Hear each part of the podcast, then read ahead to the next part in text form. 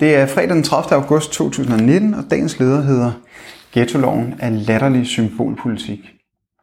Den danske ordbog definerer begrebet symbolpolitik som politik, der i højere grad føres for at markere en ideologisk holdning over for offentligheden og give indtryk af handlekraft, end for at anvise konstruktive forslag til løsning af det pågældende problem. Ser man på de love og regler, som det politiske parnas har samlet i landets ghetto-love, er denne definition ualmindeligt præcist rammende.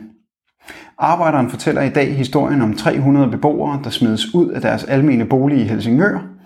De opsagte lejere skal erstattes af beboere på over 50 år med arbejde og uden børn. På den måde håber boligområdet Nøjsomheds boligselskab Boliggården at forhindre, at nøjsomhed ender på regeringens liste over såkaldte hårde ghettoer. Ender boligområdet på den liste, kan boligselskabet nemlig blive tvunget til at sælge eller nedrive 60% af de almene familieboliger i området. At denne tvangsflytten rundt på folk ikke løser samfundsmæssige problemer med manglende uddannelse, arbejdsløshed, indkomstniveau eller for den sags skyld kriminalitet, burde være åbenbart for enhver. Men det er ganske tydeligt heller ikke formålet med loven. I hvert fald ikke, hvis man skal dømme den på de konsekvenser, lovordene får ude i virkeligheden. Lad os give ordet til Boliggårdens direktør, Lars Groby. Vi må forholde os til, hvad vi kan nå at gøre i løbet af de to år, vi har til at komme med ghetto-listen. Vi kan ikke gøre noget ved uddannelse. Vi kan ikke gøre noget ved beskæftigelsen på så kort tid. Det eneste håndtag, vi har tilbage at skrue på, er at ændre beboersammensætningen. Vi har ikke tid til at vente på de langsigtede løsninger.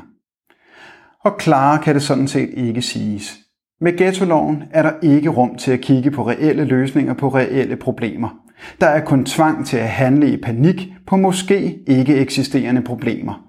Som det er sagt før fra denne lederplads, forekommer det eneste formål med ghettolovene at være en mulighed for partierne bag til at vise handlekraft. Og jo mere inhumant og følelseskoldt denne handlingskraft kan udtrykkes, des bedre. Du har lyttet til dagens leder fra Arbejderen. Abonner på vores podcast på iTunes, eller hvor du ellers hører din podcast.